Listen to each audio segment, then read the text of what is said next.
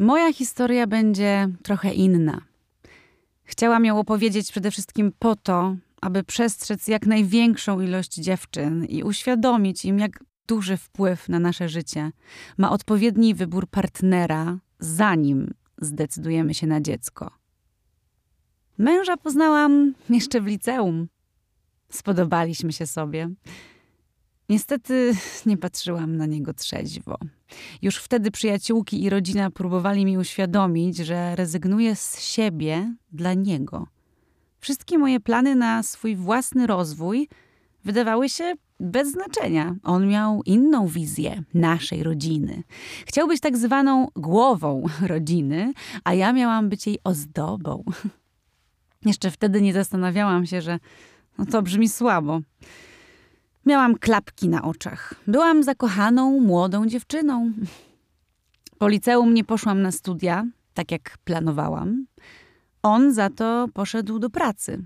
Dostał zatrudnienie w firmie ojca, zaczął zarabiać większe pieniądze i to go jeszcze bardziej zmieniło. W domu zaczął być gościem. Coraz częstsze wyjazdy, a ja, jak ta głupia, czekałam. Zaczęłam zauważać, że stałam się jedną z tych kobiet, z których kiedyś się śmiałam. Nie miałam własnego życia. Wszystko było pod niego. Obiadki po pracy, ciuchy takie jak on lubi. Walczenie z rzekomymi nadprogramowymi kilogramami, bo powiedział mi, że za gruba jestem. Wtedy mnie nie uderzył. Nie musiał. Przez wiele lat dręczył mnie psychicznie i zlikwidował jakiekolwiek poczucie własnej wartości. Zaszłam w ciążę. Bardzo chciałam tego dziecka.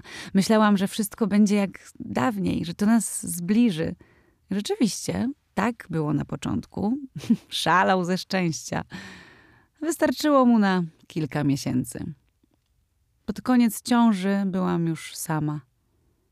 Rodziłam też sama, bo on miał pilny wyjazd.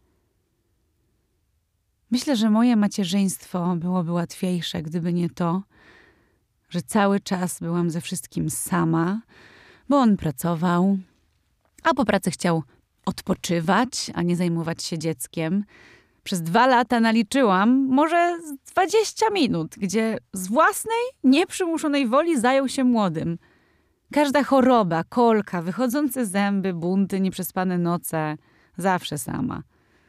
Albo udawał, że nie słyszy płaczu, albo był w kolejnej delegacji, albo na mnie wrzeszczał, że mam uspokoić Bachora, bo on nie ma siły tego słuchać. Miarka się przebrała, gdy podniósł na mnie rękę, gdy miałam na rękach małego.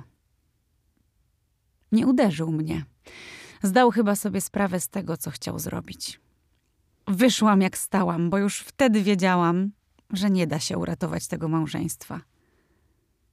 Uciekłam do moich rodziców. Są dni, że samotne macierzyństwo mnie przytłacza, ale wiem, że gdybym dobrze wybrała, to ono nie byłoby tak trudne, naznaczone wiecznym strachem, brakiem stabilności i nerwowością. Kobiety. Bardzo dużo zależy od tego, jak wybierzecie sobie partnerów. Nie ignorujcie znaków, które pojawiają się przed ślubem. Po ślubie nic się nie zmieni. Będzie tylko gorzej. Teraz to wiem.